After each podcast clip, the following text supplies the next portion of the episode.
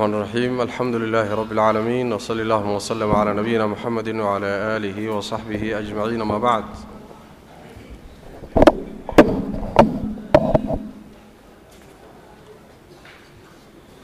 taariikhdu maanta waa labadii bishii ramadaan kun afar boqol iyo soddon iyo kow taariikhda hijriga tan milaadiguna waa labiyo tobankii bishii sideedaad labadii kun iyo iyo tobanka. Kitaabka kitaabkayna hor yaalla. Ayaan doonayna insha allahu tacaala inaan wixii ilaahay naga fahansiiye tabaaraka wa tacaala aan ka nidhaahno. Waa ciwaankiisa ama magaciisa waxa weye lumcat اlictiqaad alhaadi ila sabiili اlrashaad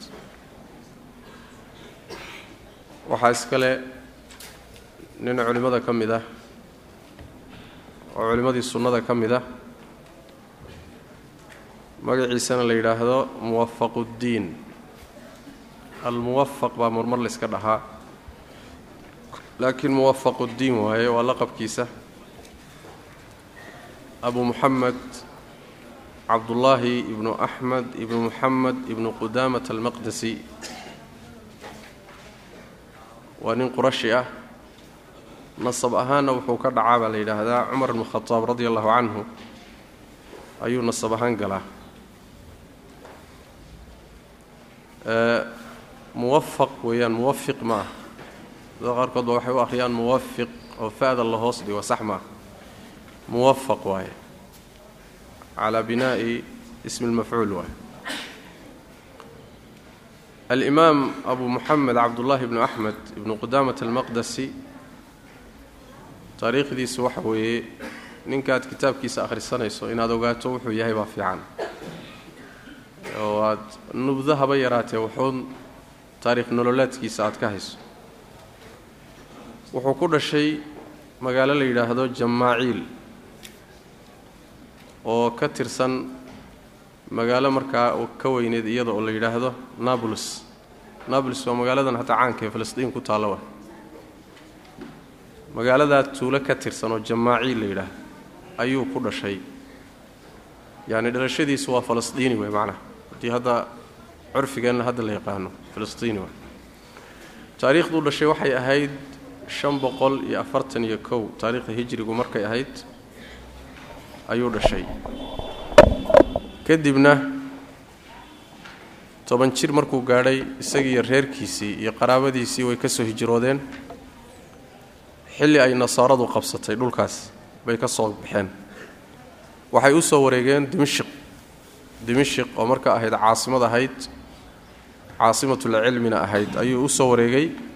Meeshaasuu noloshiisa inteeda kale ku koray. Isagoo yar buu culumta shareecada marka u qastay qur'aanka xifdigiisa iyo mabaadi'da iyo mutuunta muxuu ahaayey cilmiga fiqiga khaasatan. Waxay isla yimaadeen markuu ka imaanayay filistiin nin ay ilmo abti ahaayeen oo mar badanna laysku khaldo oo la yidhaahdo cabdilqani ibni cabdilwaaxid ibni caliyin almaqdasi oo xaafid ahaa muxadis ahaa. Hal masanay wada dhasheen hal meel bay ku wada dhasheen way isla soo hijroodeen ilmo abti bay ahaayeen laakiin laba ninoo kala duwan waayo. Cabdilqani almaqdasi isaguna isla wakhtigaasuu dhashay laakiin wuxuu wuxuu dhintay taariikhdu markay ahayd lix boqol. Labada nin laba ninoo qariinaana bay ahaayeen oo isku lamaan. Cilmigana isku si u raadiya. Weliba israaca. Inta badanna isku culimo ahaa. Laakiin ilaahay qeybtiisa ninna wuxuu u duway xagga xadiidka ninna wuxuu u duway xagga fiqiga cabdilqani almaqdasi wuxuu xaafid muxadis u ahaa bal waa ninka iska leh kitaabka alkamaal fii macrifati rijaali اlkutub الsitta waa yacni waxa weeyaan waa awalu kitaab oo rijaalu sitta kulmiyey waay yacni saxiixaynka iyo sunanka afarta ah rijaashooda oo dhan kitaab isu keenay kitaabkii ugu horreeyay ninkii alifay waay alkamaal baa lale kitaabkiisa. Alkamaal waxaa tahdiibiyey alxaafid almizi jamaaluddiin almizi oo ku tahdiibiyey kitaabkiisa ku magacaabay tahdiib alkamaal. Taqriiban kitaabka weyne dhowr iyo soddonka mujallad ku baxay waay waa tahdiib. Kadibna waxaa sii tahdiibiyey ibnu xajar kitaabkiisa uu ku magacaabay tahdiibu tahdiib kadibna tahdiibkii ibnu xajar buu sii dhoweeyo sii taqriibiyey taqriibu tahdiibku halka mujallad ama laba mujallad ku soo baxay. Marka raggaasoo dhan ninkay dabagaleen isaga keliya ma rag badan oo kale raggii ninkay dabagaleen waa ninkaa waay. Ninka cabdiqani baa marka la dhihi jiray cabdilhani almaqdasi waa nin muxadis ahaa oo xaafid ah oo aad u caji badan buu ahaa taariikhdiisa markaad ka akhrido kutub taraajum khaasatan siyarka iyo wixii la ninkaas iyo ninkan marka way kala duwan yihiin ilmo abti bay ahaayeen laakiin laba ninoo isku mida maaha ninkanna faqiih buu ahaayoo dhanka fiqigu u badnaa. Walow kaana yani mushaarakaat fii cilmi alxadiidna wuu ku lahaa laakiin xagga fiqigu u badnaa. Waxaa kaloo jira isagana nin saddexaad oo isu dhow yihiin oo la yidhahdo cimaaduddiin abu isxaaq ibraahim ibni cabdilwaaxid oy walaalo yihiin cabdilhani oo isagana muxadid ahaa aqoonba fiican lahaa caalim ahaa isagana. Iyaguna isku waqhtiyay ahay laakiin cabdilhani iyo muwafaquddiin ayaa isku lamaanaan jiray isku waqhtina dhashay. Cabdilhani baa wuxuu ka weynaa bilo. Ayb reer marka sidaasoo qoys waxay ahayn sidooduba cilmi badan iyo aqoon badanna lagu yaqaanay kuna koray bay ahaayeen. Wax badanna diinta u khidmeeyey. Markuu yimid dimashik meeshaasuu rag badan oo culimaa kula kulmay aqoon badanna ku qaatay kutubta fiqhiga khaasatan wuxuu xifdiyey bay dhahaan kitaabka la yidhahdo mukhtasaru alkhiraqi oo fiqhiga xambaliga mukhtasar. Kadibna waa kitaabka uu sharxi doono gadaalka sharxi doono doona u tegi doono way macna. Isagoo arday ah oo kutubta bartaba haddana culumta laga qaadan jiray oo muxuu ahaayey dhinacna wuu gudbin jiray dhinacna muxuu ahaayey wuu baran jiray. Wuxuu aha nin aada loo ammaanay aqoontiisa iyo ilaa heer leeyahay mujtahid buu ahaa oo ficlan waad ka garanaysaa tasarufaadkiisa walow uu xambali ahaa haddana kuma taqayudi jira marar fara badan waxaad arkaysaa kitaabkiisa tarjiixaad buu maraya.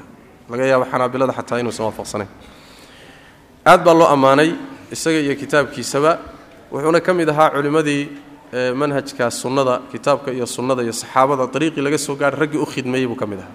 Kitaabkiisa lumcatulictiqaadka calaa hada alasaas buu ku salaysay ilaa waxaa la yidhaahdaa wuxuu aad uga ixtiraasi jiro iska ilaalin jira xataa mu'alafaadkiisa ku saabsan towxiidka ku saabsan. Aad wuxuu isaga ilaalin jiray xataa kelimaduu isticmaalayo. Inaynan noqonin kelimo mutakalimiinta ama falaasifadu kelimaadka isticmaali jireen inaysan noqonin. Ee ay noqoto kelimo iyo cibaaro ama salafkii laga soo guuriyey ama kitaabkiiyo sunnadu isticmaaleen. Waana runtii masiyo xataa culimmada ninka laga hela ay yarta. Raggii baabkaa wax ka qoray way adag tahay inay mutakalimiinta mustalaxaadkooda iyo falaasifada iyo inay kutubtooda ka ilaaliyaan ma fududa. Aad buu marka u dhowrsoon yahay oo dhankaasi aad baa loogu ammaanay. Sheikhulislaam ibnu taymiya caleyh raxmatullah waxa uu leeyahay markuu u tarjamayey maa dakhala ashaama buu leeyahay bacda alawsaaci afqah min ashaykhi almuwafaq buu leeyahay. Shaam ma soo gelin. Awsaaci kadib imaamu ahli shaam. Awsaaci kadib shaam ma soo gelin nin cilmiga fiqiga kaga horreeya imaamkan aan hadda kitaabkiisa dul fadhino muwafaquddiin bal iska badhaaf alimaam adahabi fi siyar wuxuu leeyahay wuxuu ahaa imaam qudwa oo mujtahid ah. Shaykhulislaam buuna ku ilaaqay shaykhulislaam inuu ahaa ayuu ku ilaaqay alciz bni cabdisalaam sultaan ulculamaa ninka la yidhahdo way isku waqti dhowaayeen aad uuse ka dambeeyey. Wuxuu leeyahay maa ra'aytu fii kutubi اlislaami mila almuxalla walmujalla libni xasmi buu leeyahay kitaabi lmuqni wa kitaabi almuqni lishaykh muwafaq ibni qudaama fii jawdatihima wa taxqiiqi maa fiihima islaamka dhexdiisa laba kitaab. Kitaabka la yidhahda almuxalla bilaahaar oo ibni xasmi leeyahay iyo kitaab kaleo almujalla oo isagana uu leeyahay iyo kan ibnu qudaama uu leeyahay oo haddaan sheegi doonno saddexdaa kitaab islaamka dhexdiisa wax kaga fiican waxa gudahooda ku yaalla iyo siday u xaqiijiyeen wax kaga fiican ma arkin buu leeyahy alciz bni cabdisalaam bal wuxuu leeyahay maa taabat nafsii bilfutya xataa saarat cindii nuskhatu lmuqni buu leeyahy inaan fatwoodo oon ka jawaabo masaa-isha diinta naftaydu raalli kuma noqonin buu yidhi. Ilaa aan helay buuhi nuskho kitaabka muqniga ah. Waa kitaabkan ibnu qudaama uu leeyahay ee aan sheegi doono kutubtiisa kitaabka ugu muhiimsana ibnu qudaama caleyh raxmatullah wuxuu leeyahay marka kutub aad u fara badan oo intooda badan fiqiga fiqiga xambaliga buu aad ugu khidmeeyey oo wuxuu leeyahay alcumda fi lfiqhi oo ugu talagalay dadka mubtadi'iinta ah alcumda fi lfiqhi fiqiga xambaliga waa. Wuxuu sheegaa uun keliyata ku gaabsadaa alqowl lmuctamad fi lmadhab alxambali qowlka muctamadka ah ayuu keliya soo arooriyaa khilaafaad ma sheego waxaa ka weyn kitaabkiisa isagana la yidhahdo almuqnic fi lfiqhi oo isagana ugu talagalay ardada mutawasitiinta. Ah ardayga waxoogaa soo yara kacay ee dhexda wax u joogaan buu ugu talagalay. Isagana wuxuu ku sheegaa laba ra'yi. Inta badan masale kasta laba ra'yi oo madhabkaa buu soo arooriyaa. Kii horu wax yar ka koro koreeya arday soo yara kacay buu ugu talagalay. Labadaaba waxaa ka weyn alkaafi fi lfiqhi isagana oo la yidhaahdo labadaba wuu ka waasacsan yahay isaga wuxuu ku daraa adiladii buu sheegaa aqwaashii madhabka adiladiina wuu raaciyaa. Labadii horeba wuu ka weyn yahay kaafigu. Saddexdaba waxaa ka wada weyn almuqni sharxi mukhtasar alkhiraqi oo kitaabkan hadda la yaqaano ah oo isaga wuxuu ku sheegaa madaahibtao dhan. Mas'alada maxaa laga yidhi? Madaahibta caankaa buu soo aroorin kuwa aan caan ahayn buu soo aroorin. In badanna marar badanna waa rajaxaya. Oo wuxuu qaadanayaa mowqifkiisa waa muujinaya macnaha waxaana la yidhaahdaa waa mawsuuca fiqhiya. Kitaab fiqhi keliya maaha. Mawsuuca fiqhiya waay kutubta ugu qiimo badan kutubta laga qoray fiqi lmuqaaranka fiqiga intuu madaahibta isu keeno haddana adilada keeno haddana kala rajaxa. Kutubta noocaasa kutubta ugu muhiimsan buu ka mid yahay kitaabkiisa muqniga. Marka imaam noocaasa way caana weeyey kutub kalena waa leeyahay almutaxaabiin fi llahi buu leeyahay kitaab layidhaha masalat lculuwi buu leeyahay damu ta'wiil buu leeyahay waa ajzaa. Kitaabkana ka mid a marka kutubtiisa dhimashadiisi iyo geeridiisu waxay ahayd raxmatullaahi calayhi raxmatan waasica. Lix boqol iyo labaatankii ayuu dhintay dimashik buuna ku dhintay. Markay isaga iyo inaabtigii iyo ay dimashik imaanayaan waxaa meeshaa joogay ay ugu yimaadeen asheekh cabdilqaadir aljaylaani ama jiili. Jaylaani ama jiili. Wadaadkan dad badan soomaaliya ay u haystaanba inuu ahaa wadaad soomaaliyeedoo weli ah. Dad badan saasay u haystaan jiilaani hadday maqlaan ama cabdilqaadir jiilaani waxay u haystaan wadaad soomaaliyeedoo weli ahaa oo karaamaad lahaa. Ma ahayn soomaali ma ahayn. Wadaadku wadaad carab uu ahaa maqarkiisuna wuxuu ahaa dimashik buu ahaa. Madhabkiisuna xambali buu ahaa. Xataa shaafici ma ahayn. Xagga caqiidadana wuxuu ahaa yacni min a'immati sunnu ka mid ahaa dhanka cibaadaadka iyo awraadda iyo baa mu'aakhadaad buu leeyahay lagu qabsado. Oo dhankaasuu aad waxoogaa la dhihi karaa uu ku yara fogaaday laakiin xagga masaa-isha wuxuu ka ahaa sidii a'immada xanaabilada kaleba ay ahaayeen wakhtigiisa yacni waxa weeyaan wuxuu ahaa madhabkii axmed ibnu xambal buu ku socday. Sidaas daraaddeed waa tanaaqud inaad tidhaahdo qaadiri baan ahay ashcari baan ahay muxuu ahaayey inaad wax isdaba dhigto qaadiri baan ahay oo ashcari baan ahay oo isma qabanayso. Qaadiriyada aad ka hadlayso sheekhii laha iyo ashcariga aad ka hadlayso sheekhii laha isma qabanayaan. Alsoomaali alqaadiri alashcari alfulaani waxbuu isdaba dhighay wax isqabanayana maba ahaba kitaabkii markaan sharxaynay waxaan u inuu ahaa kitaabkii saabuni. Yaan in badan ku soo qaadannay madhabkii sheekh cabdilqaadir aljaylaani muxuu ahaa. Asmaa sifaat markaan ka hadlaynay aad baan ugu soo qaadannay kitaabkiisii qunyaha ayaan ka soo qaaday nuquul badan ka keennay sidaas daraaddeed fikir fara badan oo ashcariyadu ay qabto muusan qabin. Fikir badan oo dariiqooyinka suufiyadu ay wataanna muusan wadanin. Waa khilaafsanaa intaba. Saas way macnaa. Waa la ysaga dhegay ayb intaasi marka waa ninka kitaabka iska leh lumcat اlictiqaad alhaadi ila ariiqi ila sabiili الrashaad ayb kutubta noocan oo kale ah qoraalkeeda laga qoro towxiidka iyo caqiidada laga qoraayo waa looga horreeyey. waxayna soo bilaabatay inay a'immadu si gooniya ay caqiidada wax uga qoraan. xilligii ay fitanku soo baxeen oo afkaar fara badanoo khaldan ay saaxada ku soo korodhay ayaa waxaa bilaabatay inay culimmada sunnadu caddeeyaan mabda'an asaasiga ee diintaba asaaska u ah tiirka u ah markaasay bilaabatay in kutub laga alifo nebigeenna salawaatu rabbi wasalaamu caleyhi intuu noolaa saddex iyo labaatan sanoo uu noolaa oo qur'aanku ku degayey diinkuna markaa uu dhammaystirmay waa kii geeriyooday. Saxaabadu intaa qur'aanka ay ka maqlayeen ee ka qaadanayeen ama axaadiista uu sheegahay wixii ay ka maqlaanna waa rumaynayeen. Wixii camal u baahanna waa ku camalfalayeen qur'aanku waxyaalihii uu keenay iyo sunnadana ku timid waxaa ka mid ah arrimaha la yaqhaado alumuur alhaybiya alumuur alghaybiya waxyaalaha inaga qarsoon. Sida maalan ilaahay daatadiisa asmaadiisa iyo sifaadkooda kayfiyadiiyo qaabkay u yaallaan maalinta aakhira iyo waxyaalaha soo socda jannada iyo naarta hawaabka iyo ciqaabta. Waxyaalo fara badan baa qur'aanka iyo sunnadu sheegeenoo hayb ah oo aan xaqiiqadiisa layna taabsiinin. Saxaabadu arrimaha noocaasa sidaa nebigu u sheegay qur'aanka ay ugu yimaadeen bay u fahmayeen una qaadanayeen mana ayna ishkaal iyo ictiraad midna mayna ka keenin saasay ku qaateen. Ayadoo diintu saa u cadda labana ayna isdiidaneen oo iskhilaafsanayn buu nebigu geeriyooday sal lla lay slam oo yacni waxa weye taraktukum cala almaxajati albaydaa ariiq cad oo aan meel mugdiya lahayn ayadoo ummaddu ku sugan tahay buu nebigu ka geeriyooday sal lla lay waslam caqiidadeeduna ay saafi tahay wax qasayna aysan jirin markuu nebigu geeriyooday sal lay slam saxaabadu sidii bay ku socdeen. Zamankii abubakr sidiiq radi allahu tacaala canhu oo aada u gaabnaa iyo khilaafadii cumar sidoo kaleeto toban sano iyo wax yar ahayd cumaan oo dhowr iyo toban sano ahayd ilaa intaas wax dhiba ma jirin. Cumaan dhowr iyo tobankii sane ee muslimiinta u ahaa khaliifka u ahaa sannadihii u dambeeyey ayaa marka fitnadu bilaabatay.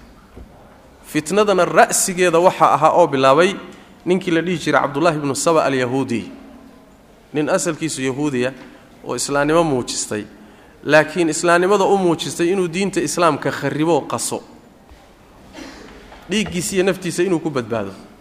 Dadkana fikraddiisu ay ka gadanto buu islaamnimada u muujistay laakiin munaafiq buu ah gaal ah. Ninkaasaa balaayada kiciyey. Cabdullaahi ibnu saba alyahuudi wuxuu ka bilaabay inuu yidhaahdo markuu cumar dhintay xilkan cali baa lahaa. Cumaanna wuu boobay. Cumaan khalad baa lagu siiyey. Sidaas daraaddeed aalubeydka nebiga aalkiisii waa in loo soo celiyo xaqooda dabcan muslimiintu aalubeydka waa jeclaayeen. Nebigana waa jecel yihiin. Aalkiisana waa jecel yihiin. Halkaasuu muslimiintii ka galay. Waa shayaan meel ilan shaytaanku meesha dabacsan buu ka galaa soo maha meesha dabacsan uu isleeyahy meeshaasaad wax ka geli kartaa. Halkaasuu ka abbaaray nin marka wuxuu iska dhigay aalubeydkii u hiilinaya oo aalubeydka xaqooda soo dhicinaya oo aalubeydkiio la boobay xuquuqdoodii u doodahaya waxaasuu muujistay. Cumaan ibni cafaan radi allahu tacaala canhu ardaahu khilaafadiisa aakhirkeedii ayaa waxaa soo baxday dhowr arrimoodoo dadka qaarkood mulaaxadeeyeen oo iyaduna siyaasa sharciya ahayd arrimaha maalan waxa weye reerkiisiibuu yuu u eexday xoolihiibuu si khalada u qaybiyey wax noocaasoo kalea soo baxay. Wixii bay marka bumbuuniyeen dadkiibuu kiciyey. Kacdoonka cumaan lagu dili doono isagaa lahaa marka. Niman qowqaa'iyiin oo soo kiciyey iyo munaafiqiin iyo balaayo uu isagu soo kiciyey. Baa cumaan dilay oo magaalada madiina intay ugu yimaadeen meesha ku dilay radi allahu tacala canhu ardaa. Nebigaana salawaatu rabbi wasalaamu caleyh sii sheegay in la dili doono. Wuxuu ku yidhi cumaanow haddii lagu yidhaahdo qamiiska bixi ha bixinin. Qamiiskaaga bixi ha bixinin. Bimacnaa waxa laga wadaa khilaafadiiyo xilka ka tanaasul iyo diiday. Saas way macnaa. Qamiiska dhig baa lagu dhihi doona ha iska dhigin buu nebigu ku yuri sal ly slam meeshay ku dileen. Halkaasay marka fitnadu ka bilaabatay cali bn abi aalib baa muslimiintu xilkii u dhiibeen markiiba khilaafkii baa bilowday. Waxaa ka dambeeyey dagaaladii baa ka dambeeyey jamal sifiin baa ka dambeeyey fitanku halkaasi ka bilowdeen marka. Halkaa markay xaaladdu marayso ayaa waxaa soo baxday waxaa soo baxdaoo dagaalladaasi ay dhaceen ayaa waxaa soo baxday in marka laba kooxood oo caqiide khariban wata ayaa markaa saaxada ku soo biiray. Kooxdii ugu horraysay waxay ahaayeen nimanka la yidhahdo khawaarij xilligaasay baxeen yacni juduurta fikirkoodu waa iska sii jiray. Ilaa xilligii nabiga dulkhuwaysiraya waxbaa iska sii jiray.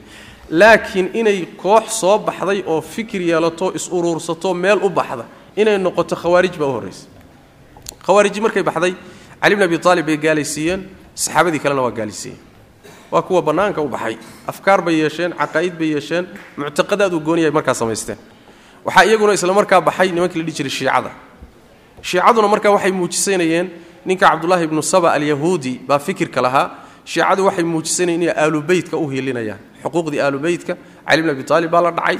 Xuquuqdii aan soo dhicinno waxaasay wateen. Cali bni abi aalib bay marka iyagu wax u hiilinaya isaga dhigayeen khawaarijtuna cali bni abi aalib iyo saxaabadii kale gaalaysiinayeen. Shiicaduna saxaabadii kaley gaalaysiiyeenoo waxay u gaalaysiiyeen calashaani cali bni abi aalib daraadi mixwarku marku wuxuu noqday cali bni abi aalib iyo aalubeyt halkaasay marka afkaartu ka bilaabatay labadaa firqo markay inxiraafeen baa marka inxiraafaad badan ka dambeeyeen. Inxiraafku marka saasuu muslimiinta uu ku bilowday. Qadariye niman la yidhahdaa soo baxay oo wax yar kadibba saxaabadiioo nool baa waxay la soo istaageen anlaa qadara wa ana almra unfun. Xadiidkii fi saxiix muslim. Yacni waxa weye wax ilaahay horay uu qorsheeyo u qadaray ma leh. Wax uu horay u ogaadayna ma jiro. Wax kasta markuu dhacayo waa cusub yahay. Ilahina waa ku cusub yahay. Waxaasay keeneen.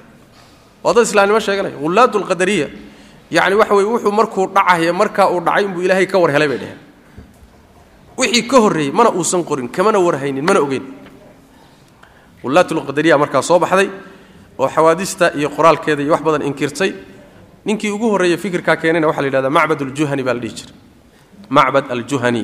Isagana waxaa la sheegaa nin nasraani ah oo sawsan la yidhaahdo ama sansawey labada way dhahaan ayuu ka keenay fikirkan waa adugu riwaayo wax sanad soo saxiixa looma hayo halkaa haddana waxaa soo baxday markii khawaariji ay soo baxdo afkaarteedii ay haysato dhulkoy dagaalamayaan oo saxaabadii la dagaalameen oo dhiig daadiyeen oo wax qarribeen ayaa waxaa soo baxay khad khawaarij ka hor jeeda oo raddu ficli ah oo khawaarij radinaya laakiin dhankii khawaarij toogtay mooye dhankii kale tegey waa nimanka murji'ada la yidhahda leanna khawaarij madhabkooda asal waxaa u ahaa ruuxii dembi weyn gala wuu gaaloobay. Diinta waa ka baxay.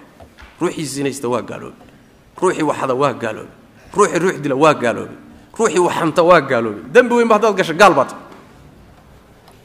khawaarij war khawaarij dadkii qastee see idinka yihi qolaa ku soo baxday marka qolaa soo baxday hor nimankan dadka aan ka qabanno.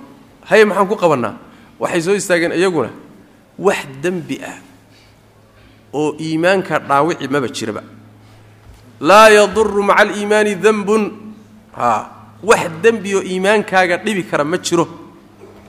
Haddaad intaasoo dembi gasho adiyo jibriil isku iimaan baa tihi adiyo nebi maxamedna isku iimaan baa tihi wax iimaanoo kala tagsanna ma jiro. Iimaanku waa simeye iska sinayso iska qaso waxaad doonto samee iimaankaagu isma bedelin waxbana ma noqonin. Waa qoladii kale radinaya ficlan sidaas weeyaanoo markay soo baxdo fikrad khaldan. Inta badan fikrad khaldan baa soo baxda iyaduna oo tii radinaysa labadooduna xaqa way garab maraan. Saas afkaar fara badan saasay ku soo baxaan. Oo firaqa markaad fiirsato inta badan saasayba ku dhashaanba. Mid baa imaantu kalea radinaysa taasina khadkii bay ka baxaysaa dhanka kale u baxaysaa macnaha ayib sida waxay yidhahdeen gaalnimo haddaad ku jirto daaca ayna kuu anfacayn ayaa haddaad mu'min tahayna iimaan uusan dhib waxaan u jeeda haddaad mu'min tahayna uusan dembi dhib kugu geysanin. Halkaa markay marayso haddana nin waxaa soo baxay la yhahdo waasil ibnu cataa oo ardadii xasanulbasri ka mid ah. Waxaa la isweydiiyey war horta ruuxa dembigu weyn ku dhacay. Ma gaal baa mise waa muslim? Khawaariji waxay tidhi waa gaal diinta ka baxay. Murji'adaan hadda soo sheegnay ee radinaysa iyagana waxay yidhaahdeen ma ahee waa mu'min kaamiluliimaan ah mumin keliya xataa maaha waa kaamiluliimaan ba iimaankiisa waxba kama dhimana. Ninkan waasil ibnu cataa baa yimid oo markaasaa wuxuu yidhi maya maya labadiinna waa khaldantiin gaalna ma aha. Mu'min iimaankiisu dhammaystiran yahayna ma aha. Muxuu yahay baa la yidhi manzila bayna almansilatayn buu yidhi. Waa wuxuu yaallaa boos u dhaxeeya labada boos. Labada boos waa kee? Gaalnimo iyo iimaan. War qur'aan iyo sunno toona wax iimaan iyo gaal u dhexeeya ma jiro. Mana sheegin. Dadku ama waa mu'miniin ama waa gaalo soo ma? Fii xaqiiqati alamri. Xataa munaafiqiintu waa gaalo fii xaqiiqati alamri soo ma? War labadaa wax u dhexeeyo dhexda yaallo meel dhexe degan diini ma sheegina waasilsee wax gaayay. Maya buuri halkaa hala dhiga ninkaas. Fikirkaas halkaasaa marka waxaa ka bilowday fikirka nimanka la yidhahda muctasilada waxayna yidhahdeen asalkeedu waxay ku timid markuu yidhi manzila bayna almansilatayn ardadii xasanulbasrina uu ka mid yahay. Yuu xasanulbasri wuxuu ku yidhi majliskanaga ka fogow. Nin fidnaysanoo balaayo qabaa tahay ardada ha iga ibtilaynayna kacbax buu ku yidhi. Factazala majlisa xasani اlbasri fasumiyat almuctazila muctazila lidalik. Sidaasuu marka uga fogaaday saasaana muctasile loo yidhi.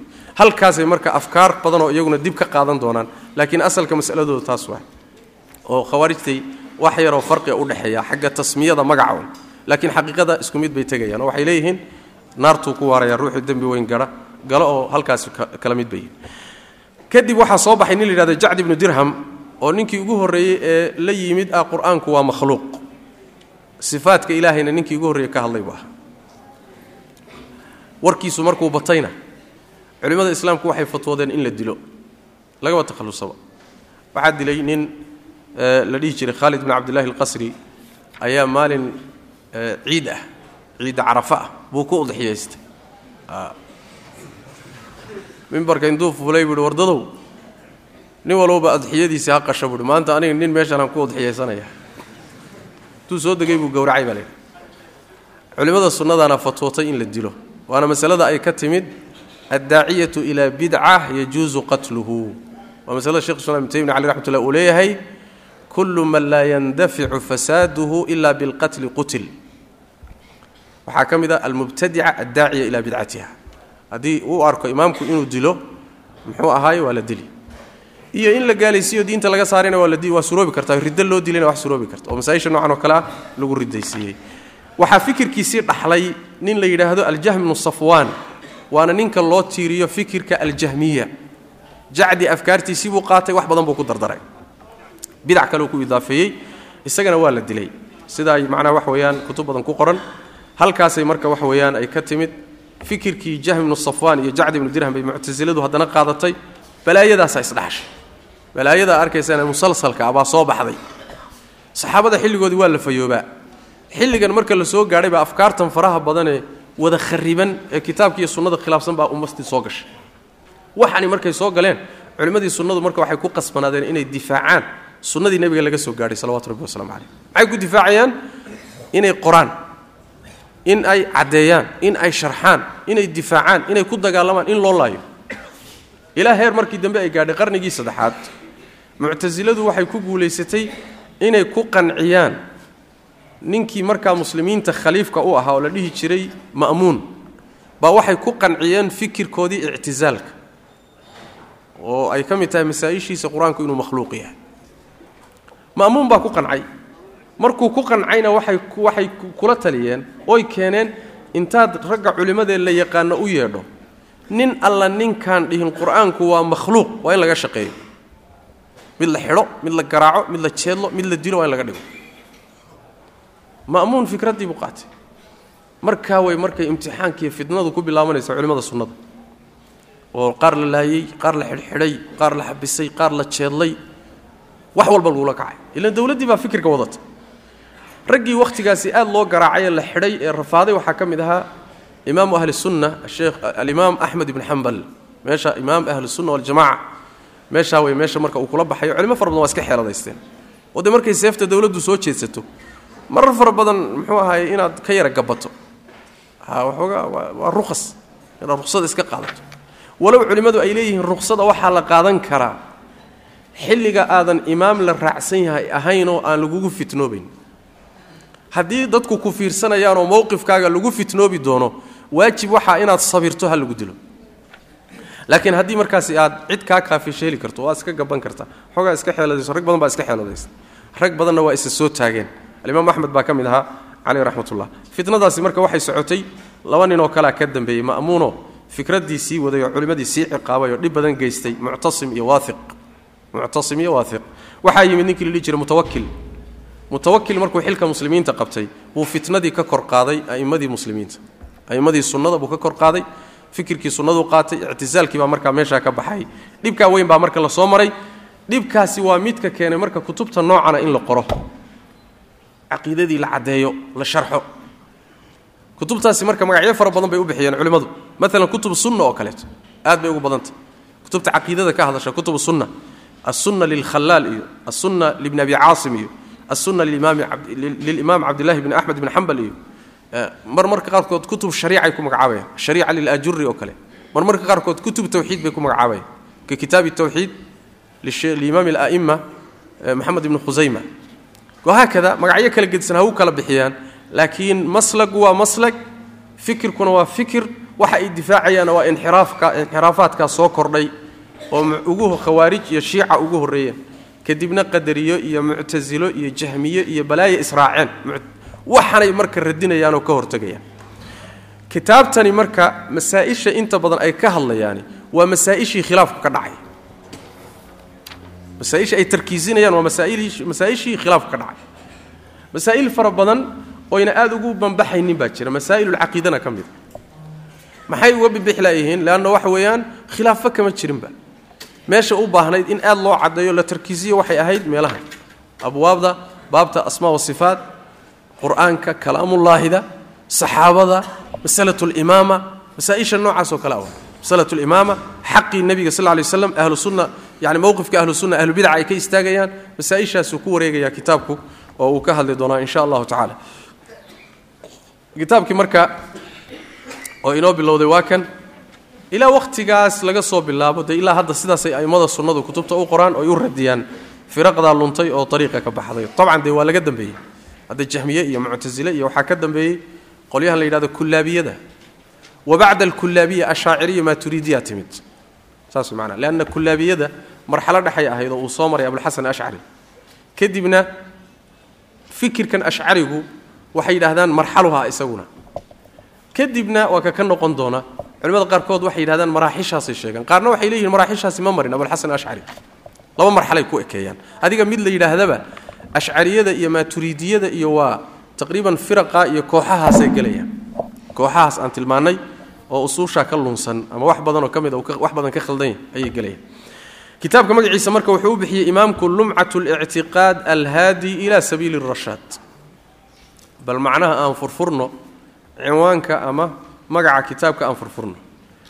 Lumcada waxaa la yidhaahdaa allumca alidaa'atu wannuur baa la yidhahdaa iftiinka la yidhahdaa iftiinka iyo dhalaalka la yidhahda macnaha markii la yidhahdo ictiqaadkana waad garanaysaanoo waa wixii la rumeeyo oo qalbiga lagu gunto oo qalbigu si go'aan oon shaki ku jirin u qaato ayaa ictiqaad la yidhahda marka macnaha markii la qaato wuxuu noqonayaa muxuu ahay lumcatu lictiqaad ictiqaadka iftiinkiisii buu noqonaya ictiqaadka ama qalbiga wixii ku guntanaa ee go'naa.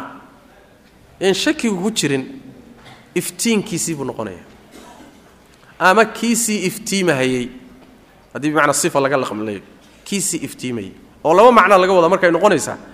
Masaa'il usuusha caqiidada ama iimaanka waxaa loogu magacaabay liwuduuxi adilatihi buu ugu magacaabay leanna kitaabkan adiladiisaa cadcad oo sidii iftiin oo kale waay ama wuxuu ugu magacaabay liannahu yuwadixu yacni wuxuu caddaynayaa ma aha sida kutubta bidaca oo kaleeto ee dadka mugdiga gelisa bal isagu iftiinku dadka u saaraya caqiidadii kitaabka iyo sunnada ifaysay buu dadka u saaraya inuu saa ugu magacaabay baa dhici karaysa sidaasi shuraaxda kitaabka sharaxday baa badankood sidaa maraya sheekh saalix ibnu fawsaan ayaa sharxay sheekh ibnu cuthaymiin baa sharxay.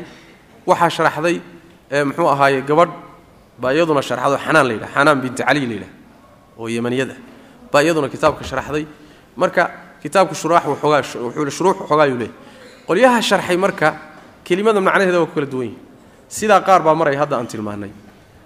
Qolyaha qaarkood waxay leeyihiin kelimatu lumca waana sheekh ibnu cuthaymiin ikhtiyaarkiisa waay. Kelimatu lumca iftiin ma ah buu le lagama wado macaani badan baa loo isticmaalaa luqadda markii la yidhahdo xagga luqadda. Lumca aljamaca min annaas waa la yidhahda dad kooxa lumca waa la dhihi karaa. Waxaa kaloo dhihi karaa naaska ibtiisa madowga ku wareegsan. Asagana lumca waa la yidhahdaa. Lumca waxaa luqadda carabiga kaloo la yidhaahdaa midab kasta oo ka gedisan midabada kale oo barta oo kale ah isagana lumca waa la yidhaahdaa sheekh ibnu cuthaymiin wuxuu leeyahay waxaa kaloo la yidhaahdaa oo lagu iطlaaqaa lumcada albulqatu min alcaysh. Albulqa bulqada waxaa la yidhaahdaa waa wax kugu filan oon kaa badnayn. Cunto kugu filan cabitaan kugu filan oon kaa badnayn oo kaa siyaadsanayn baa waxaa la yidhahdaa albulqa marka wuxuu leeyahay halkan waxaa laga wadaa albulqatu min alcaysh macnahaasaana u dhow buu leeyahay inuu ka wado imaamku. Wuxuu ku wajahayaa wuxuu leeyahay yani fa macnaa lumcat اlictiqaad wuxuu noqonayaa albulqatu min alictiqaadi الصaxiix almutaabiqi limadhab الsalaf waxoogaa ictiqaad ah oo kugu filan oon kaa badnayn oo sax ah oo madhabkii salafka waafaqsan waayo ma garata marka waxoogaa aan kaa badnayn oon siyaado badan ahayn yacni wuxuu marka noqonayaa tafaasiishii cilmiga ictiqaadka iyo kuma gelinin dood kuma gelinin adilo dheerdheer kuma gelinin madaahibtii ma soo naqlinin firaqii kuma soo naqlinin doodahoodii ma keenin waxoogaa yaroo kuus ah oo kugu filan laakiin aan kaa badbadnayn oon ku wareerinin weeye sidaas lumcada saasuu ibnu cuthaymiin rajaxaya. Wallahu aclam. Labadaba waa ixtimaashaa lumcada in laga wado bulqa min alcaysh iyo in laga wado min allamacaan iyo nuur in laga wado labadu waa suroobi kartaa. Inta waa muxtamil alhaadi ilaa sabiili rashaad iyadana waxa weeye waa ictiqaadkaas ama waxaad tidhahdaa kugu filan ama waxaad tidhahda waa ictiqaadkaa iftiimaya oo hanuuninaya ruuxa ku hanuuninaya ilaa sabiili rashaad rashaadkana waxaa la yidhahdaa waa toosnaanta waa did اlghayi wاdalaal baa la yidhahda lunsanaanta iyo habowga lidkiisa. Saas way macana marka waa hanuunsanaan iyo toosnaan waay. Hanuunsanaan iyo toosnaan jidkeeda yuu kugu hanuuninayaa waay. Ictiqaadkan yarka ha dhayalsanin waa iska kooban yahay laakiin xaggee buu ii wadaa. Wuxuu ku wadaa dariiqii saxsanaa ee toosnaa ee janno la rabbi lagu geli lahaa ee naar lagaga badbaadi lahaa kaasuu kugu hanuuninaya. Saasuu imaamku ka wada intaa kadib magaca kitaabka markaan saas aan uga gudubno aanu nimaadna kitaabka matnigiisa wuxuu leeyahay qaala shaykhu اlimaamu muwafaq اddiin cabdullaahi ibnu axmed ibnu qudaamata almaqdasi wuxuu yidhi imaamka magacaa leh waan soo sheegnay taariikhdiisana waan ka soo hadallay wuxuu yidhi muxuu yidhi maquululqowlkii waa alxamdu lilah almaxmuudi bikulli lisaan almacbuudi fi kulli zamaan aladi laa yakhluu min cilmihi makaanu walaa yushgilhu shaأnu can shaأnin jala can اlأshbaahi wاlandaad watanazaha can alsaaxibati waalwlaad wanafada xukmuhu fi jamiici alcibaad ila aakhiri kalaamihi imaamku kitaabkiisa wuxuu ku bilaabay bismi illaahi araxmaani araxiim nusqadaydan aniga aan haysto ma qorayso laakiin sidaasaa sax inuu basmalada ku bilaabay soo saa idinma qoray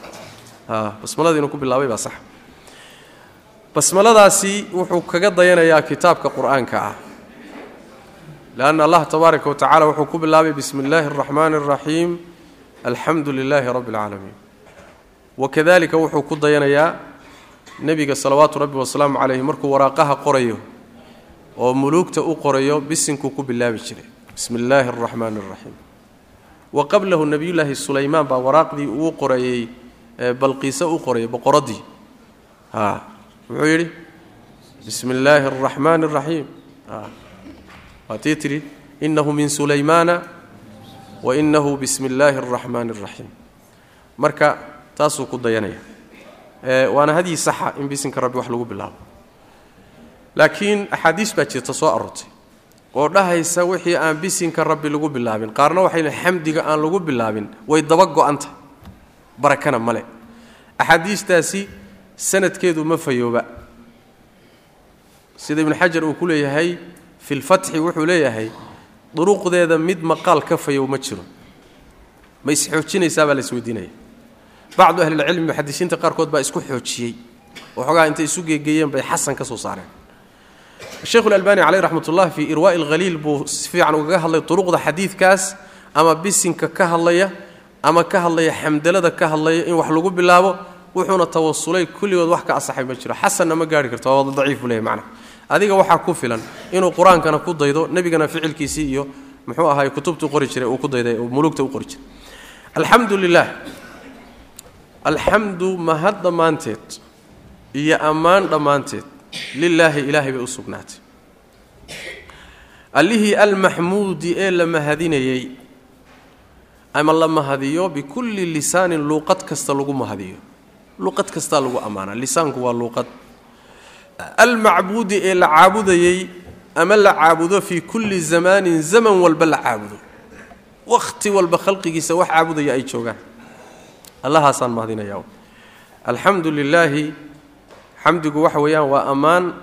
Ilaahay la ammaano calaa wajhi tacdiimna lagu ammaano. Ama siduu sheekh ibnu cuthaymiin leeyahay wasfu lmaxmuudi bilkamaal maca almaxabati waltacdiim cidda aada ammaanayso ama mahadinayso in aad ku sifayso sifaatu lkamaal sifaadka dhammaystirnaanta adigoo haddana jecel oo weynaynaya.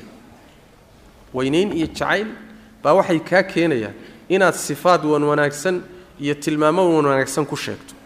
Taasaa xamdiga la yidhahda xamdi marka dhammaantii ilahay baa iskale alxamduda asha ku jirta istiqraaq weeyaan baa la yidhahda wabitaali macnuhu wuxuu noqonayaa jamiicu almaxaamidi mustaxaqatun lilah wax kastoo ammaan iyo mahad ah ilaahay baa mudan.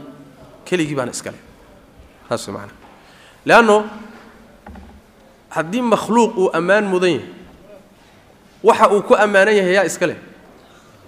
Ya allah baa iska leh. Farajacat almaxaamidu kulliha kulluha lilahi tabaaraka wa tacala ammaan iyo mahad o dhan marka ilahay bay u noqonaysa. Qaar uu isagu bixiyo addoommadiisa siiyey iyo qaar uu khaas la yaho uusan bixininba isku dar eh isagaa kulli iska leh soo ma isagaana mudan allah tabaaraka wa saas way macnaha. Waxay culimmadu ka hadlaan shukriga iyo xamdiga calaaqada ka dhaxaysa.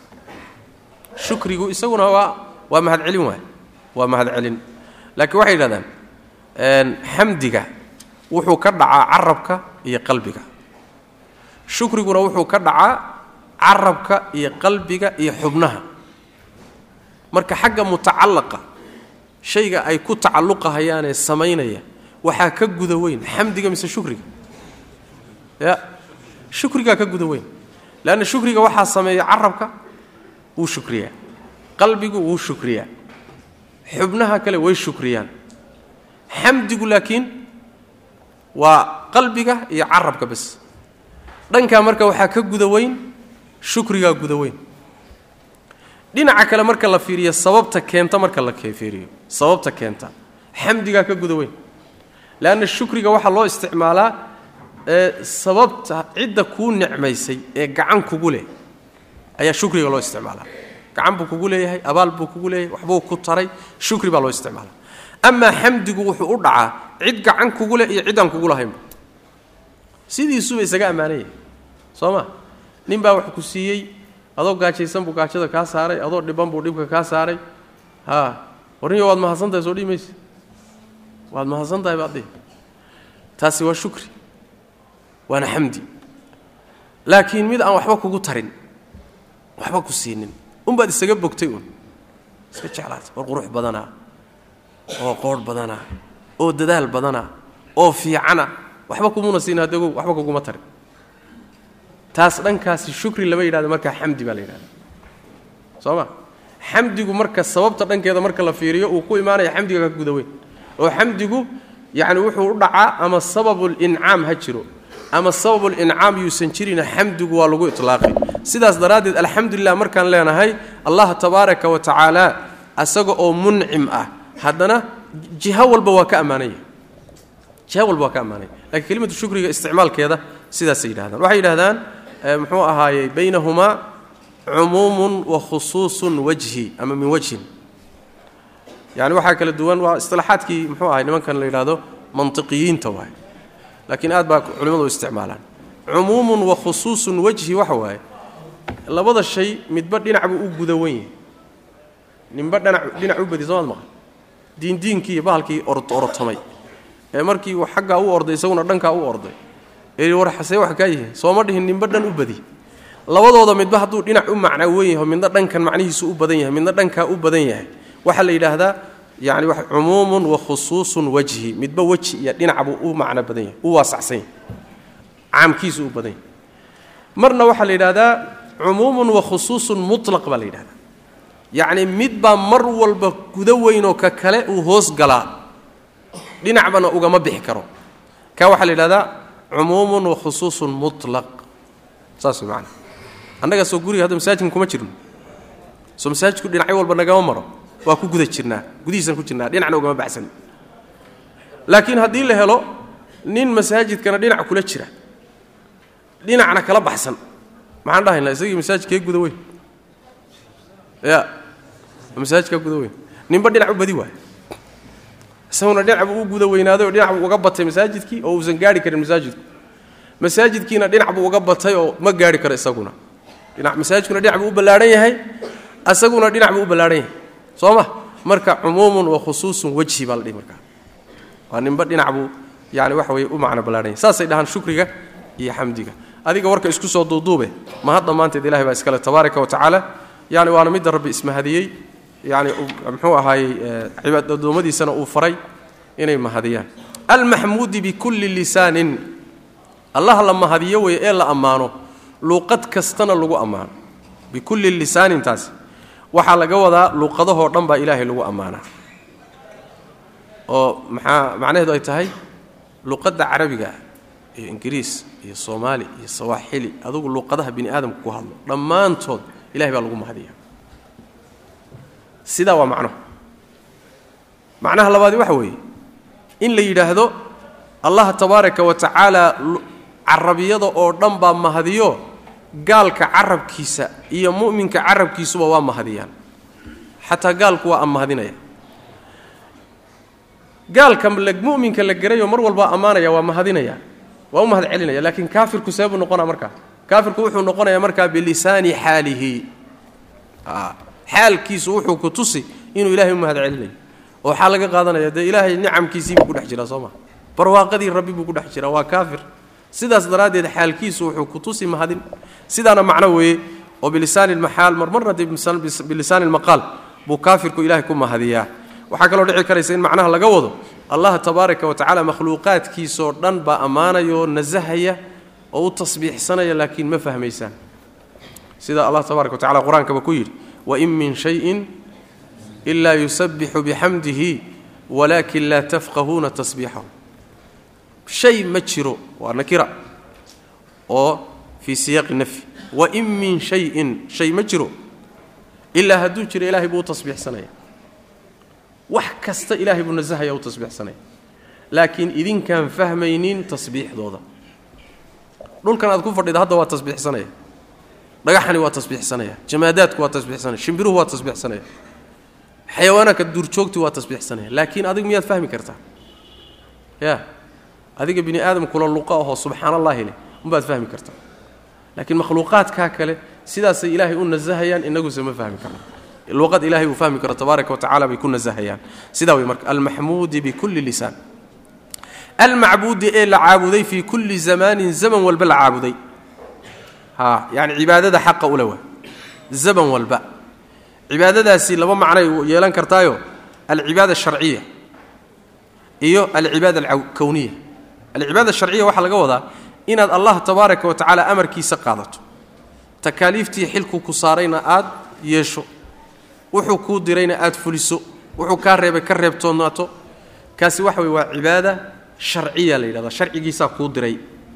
Waa midda laga hadlayo muxuu ahaay wamaa khalaqtu اljinna waاlinsa ila liyacbuduun macno tafsiir tafaasiirta ka mida waa cibaadada mideeda labaadna waxa la yidhahda cibaada kowniya la yidhahda oo maxaa la yidhahdaa alkhuduuc liamri اllahi اlkowni waay ilaahay amarkiisa kowniga ah iyo maamulkiisa oo aad u hogaansatood u khuduucdoodan ka hoos bixi karina waa cibaada kowniya waay saas way macnaa dhankaa marka la yidhaahdo bimacnaa wax ka bixi kara ma jiro waay wax ka bixi kara ma jiro. Makhluuqoo dhan bay markaa wada gelayaan leanna makhluuqoo dhan soo maqaadiirta ilahi uma hogaansana gaalkaa hadda shuuciga ah ee leh wax ilaah la yidhahdo maba jiraba laa ilaaha walxayaatu maadda. Abiica umaan rumaysnahay leh. Gaalka noocaasi maqaadiir ilaahay baa ku dul socota. Soo ma?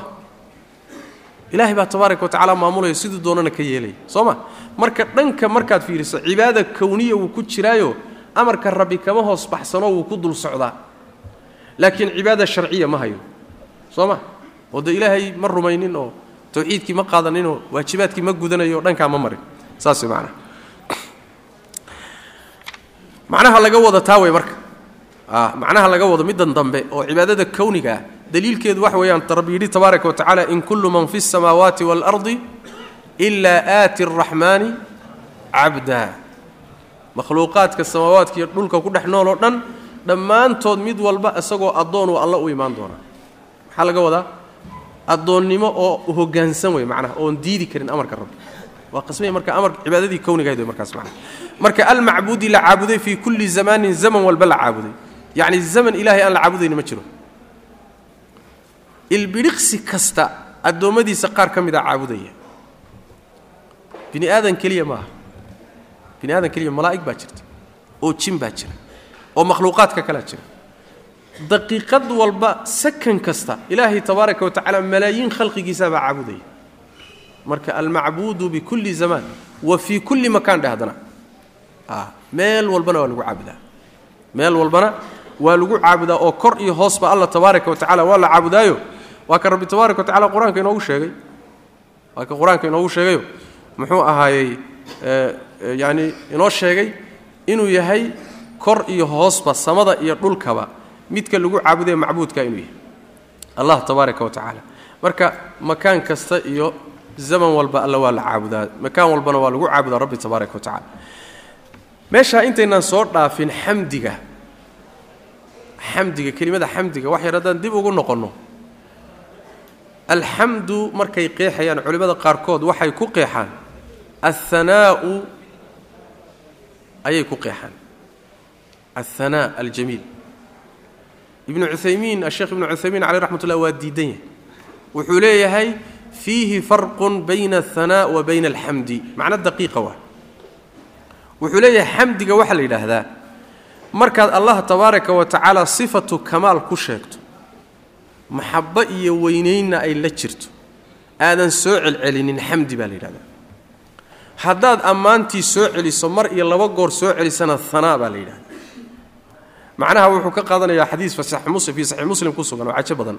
Waa xadiidkii xadiidulqudsiga ahaa min xadiid abi hurayra allah tabaaraka wa tacaala uu yidhi qasamtu salaata baynii wa bayna cabdi nisfayn salaaddii aniga addoonkanagiiba addoonkaygiiy anigaa laba u qaybiyey. Qayb addoonkaygaa leh qaybna anaa iskale faatixada laga wada. Markaasaa wuxuu yidhi rabbi tabaaraka wa tacaala faida qaala alcabdu alxamdu lilaahi rabbi اlcaalamiin qaala allahu xamadanii cabdii nabigaa dheh sal lay slm addoonku markuu yidhaahdo alxamdu lilaahi rabbi اlcaalamiin markuu akhriyo alla wuxuu leeyahay addoonkaygii waa i mahadiyey waa i ammaanay markuu yidhaahdo alraxmaani اraxiim markuu addoonku akhriyo alla wuxuu leeyahay ahnaa calaya cabdii addoonkaygii ammaantiibuu ku celiyey marka hanaa waxaa la yidhaahdaa waa markaad ammaanta ku celiso mar labaad mar saddexaad ku celisaa hanaa la yidhahda wuxuu leeyahay sheekh bin macnaha waxaa xoojinaya luqadda carabiga. Kelimada hanaa luqadda carabiga ah macnaha ay ku leedahay baa xoojinahayo maxa la yidhahda sideedaba. Athaniyu waxaa la yidhahdaa luqadda carabiga ah marka loo noqdo celintaa la yidhahdaa. Celintaa la yidhaahdaa oo waxaa le alicaada wاlrujuuc baa la yidhahdaa. Soo ma? Ahanyu maala waa leeyahay hana alxabla baa la leeyahay. Hana alxabla xadhiggii buu laabay marka kelimatu hanaa laabid iyo ku celin bay ku timaadaa. Sidaas daraaddeed alxamdu in la yidhahda alhanaa biاljamiil sax ma ah buu leeyahy bal waxaa la yidhahdaa farqun bayna alhanaa wa bayna alxamdi hanaaga xamdigu wuxuu noqonayaa markuu soo noqnoqdo oo dhowr goor lagu celiyo way macnaha. Alladii allahaasoo laa yakhluu uusan ka marhnayn min cilmihi cilmigiisa uusan ka marhnayn makaanun meelna ayna ka marhnayn cilmigiisa meel ka marhani ma jirto. Kelimadaas waa kelimo qur-aankuna tilmaamay ijmaacu salafna ku dureersadayo allah tabaaraka wa tacaala ogaanshihiisa iyo ka warhayntiisa iyo cilmigiisa meelina kama marhna wax walbuu la socdaa way macnaha ayib shay walba waa ogyahay sida meelo badan qur-aanka alla ugu sheegay tabaaraka wa tacala wacindahu mafaatixu اlghaybi laa yaclamuha ila hu wayaclamu ma fi اlbari wاlbaxri wma tasquط min waraqaة ila yaclamuha walaa xabaة fi ظulumaati اlarضi walaa raطbin walaa yaabisin ila fi kitaabi mubiin yacni wax way qeybka khasnadihiisa isaga haya mana oga isaga cid aan hayni wuxuu og yahay badda iyo berriga waxa dhexdooda.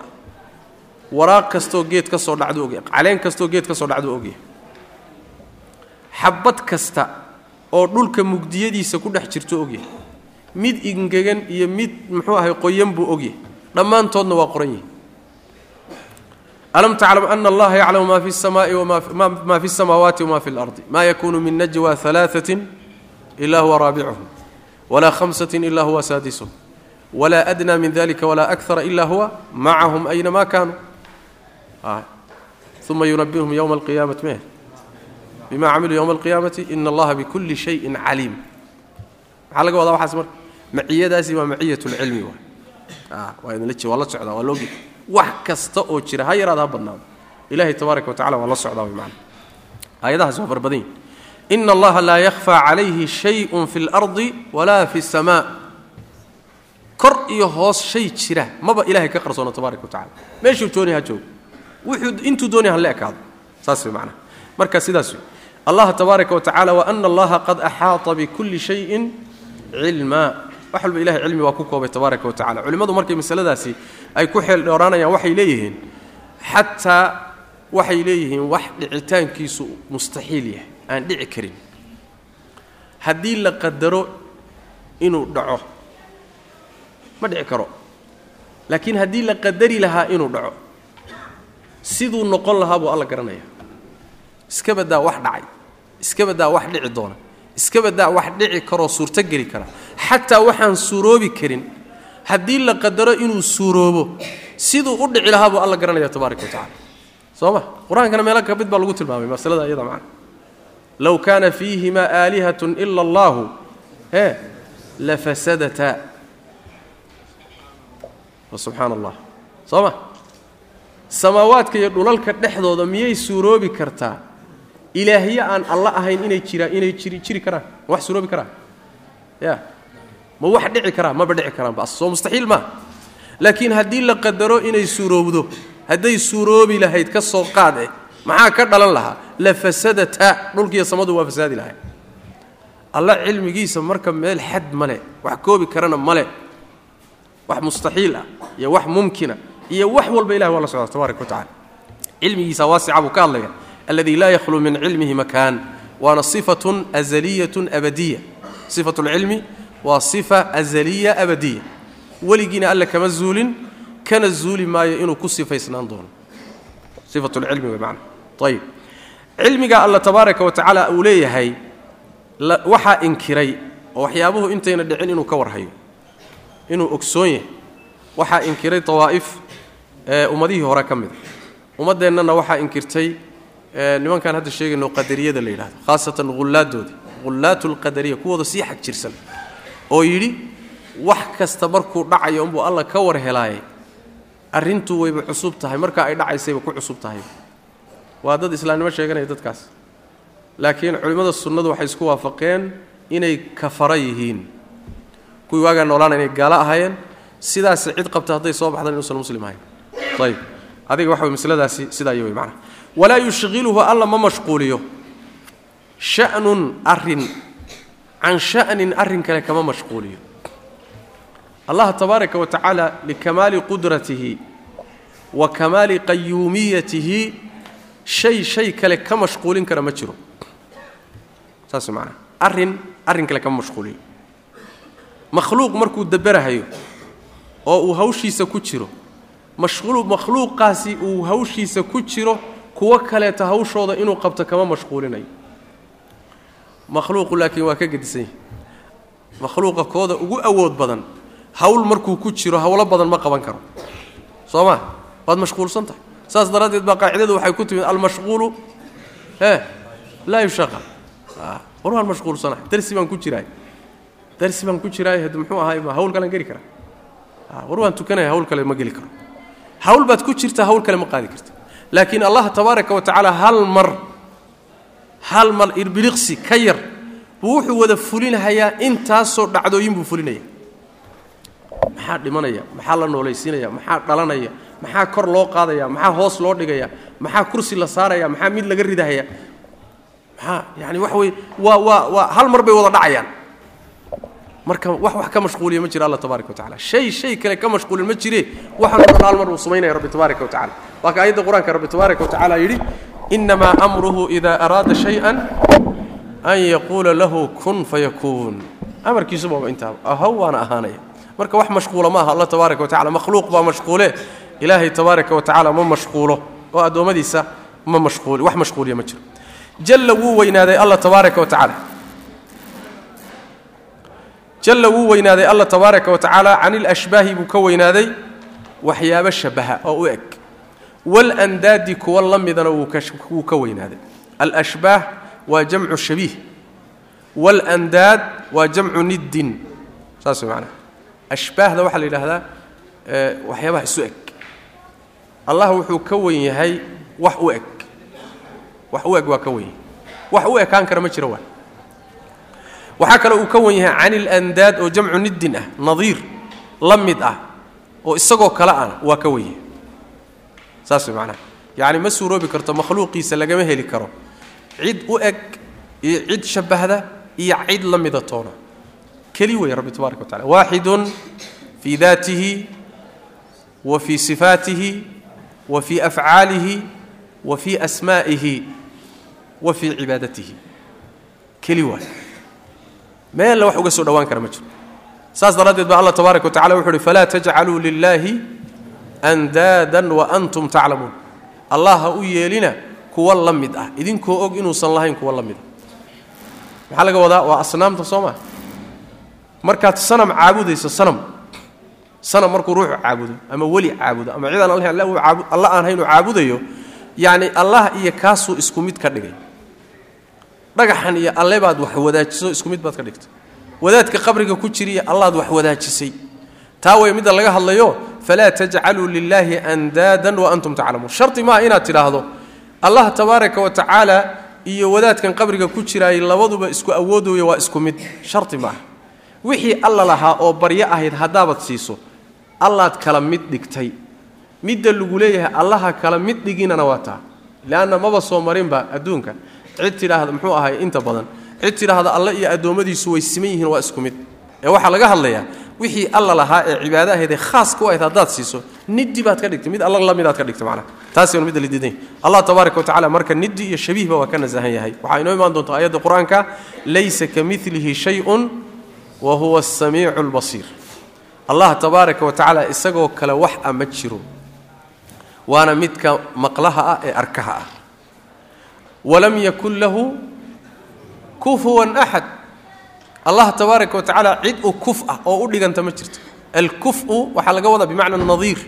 Alkufu wاlnadiiru wاlniddu waa isku macno. Kulli waa isku macaani wey mana wax ilaahay tabaaraka wa tacala u ah ma jiro laba qolaa masaladaa ku khaldantay. Ama aan dhahno saddex qolo oo isku dhow. Qolo qolyaha ka mida daa'ifo ka mida allah bay waxay shabbahday khalqigiisa ku shabbahday qolada ilaahay bay shabbaheenoo khalqiga ku shabbaheen. Allay tabaaraka wa tacaala intay sifaadkiisii soo qaadeen bay sifaadkiisii kuwii addoommada kala mid dhigeen. Kuwa kuwa. Waxaa ka mid ah niman dawaa'if ka mida raafidada shiicada ka mid a sida niman la yidhahdo hishaamiye iyo daawuudiye iyo khataabiye iyo bayaaniye iyo waa fara badan yihiin allah iyo makhluuqiisii bay isu ekaysiiyeen. Oo waxay ka dhigeen alla tabaaraka wa tacaala hadduu sheegto qudro sheegto hadduu yad sheegto kuwii addoommado kale ka dhigeen mushabiha la yidhahdo markuu alla yidhi tabarak taala weji buu leeyahay. Waa wejiga addoommadoo kale dheheen. Gacan buu leeyahy waa gacanta addoommadoo kale. Muxuu ahaayey wuxuu leeyahay sifaadkii rabbiya sifaadkii addoommada isku mid ka dhigeen. Kuwaa mushabiha la yidhahdo qoladaa waa la diidanya waxa la leeyahay allah wax shabaha ma jiro wax u egna ma jiro. Qolada labaadna waxa weeye makhluuqiiba intay kor u qaadeen shabbahu lmakhluuqa billaah makhluuqiiba intay qaadeen bay allo oo kale ka dhigeen. Waa cagsi soo ma? Kuwii hore maxay ahayd? Allay waxay ka dhigeen sidii addoommadoo kale. Qoladanna addoommadii bay qaadeenoo allo oo kale ka dhigeen. Qolada dambe oo yay yihiin kuwaas.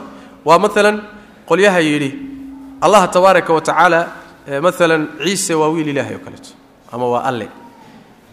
Taas macnaa qolyihii yidhi sanamyadooda sidii ilaahoo kale u caabuday dhagax bay qaadeen markaasaa waxay siiyeen sifaadkii alla lahaa xaqii alla lahaa bay siiyeen kor bay u qaadeen. Ciise oo addoonay kor u qaadeen oo nebi ah oo addoon ah markaasaa waxay yidhaahdeen isagaaba alla ah.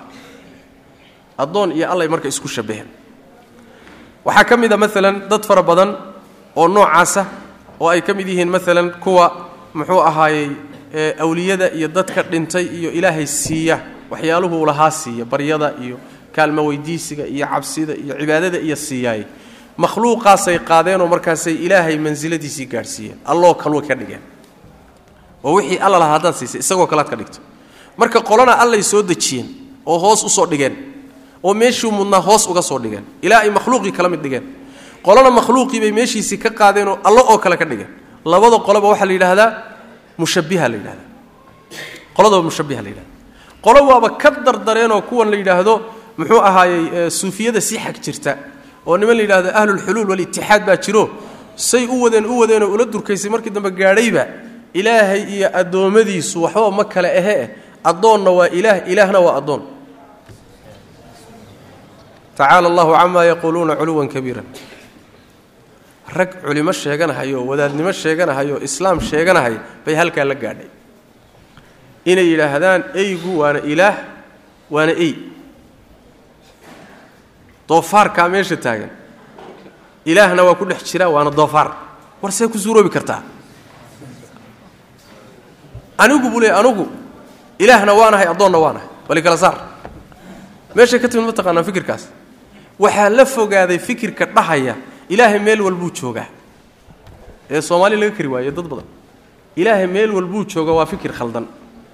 Ilaahay meel walbuu joogaa markay yidhaahdeen baa waxay ka dhalatay oo meel walbuu joogaa macnaheedu soo kugu dhex jiraa ma ah haawuuba igu dhex jiraa bay dheheen ayib oo adigii ilaah see kale sii isku mid baanu nahay buui waa fasaadka ay leedahay ama ka dhalanaya luzuuman ka dhalanaya caqiidada dhahaysa ilahay meel walbuu joogaa waana caqiide faasid ah waxaa jira ma meel walbuu jooga waa caqiide faasid ah.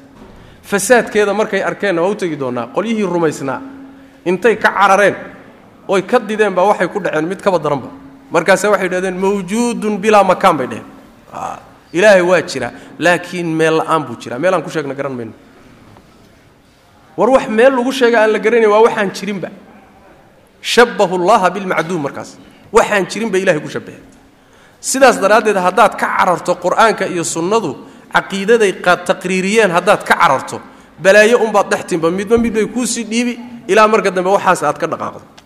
Soo ma? Marka qolyahaas waa tashbiih weliba fog waay oo qolada nasaarada ah ayagu waxayba ku gaabsadeenba alle ciisuu dhex galay. Ciise waana alle waana addoon way isku dhex jiraan ciisay ku gaabsadeen. Laakiin qolo suufiyo waxaa timid tidhi ciise keliya ma ahee alle addoommadoo dhan buu wada dhex galay oo ku wada dhex jiraa oo islaamnimo sheeganayaabaa dib ka timid.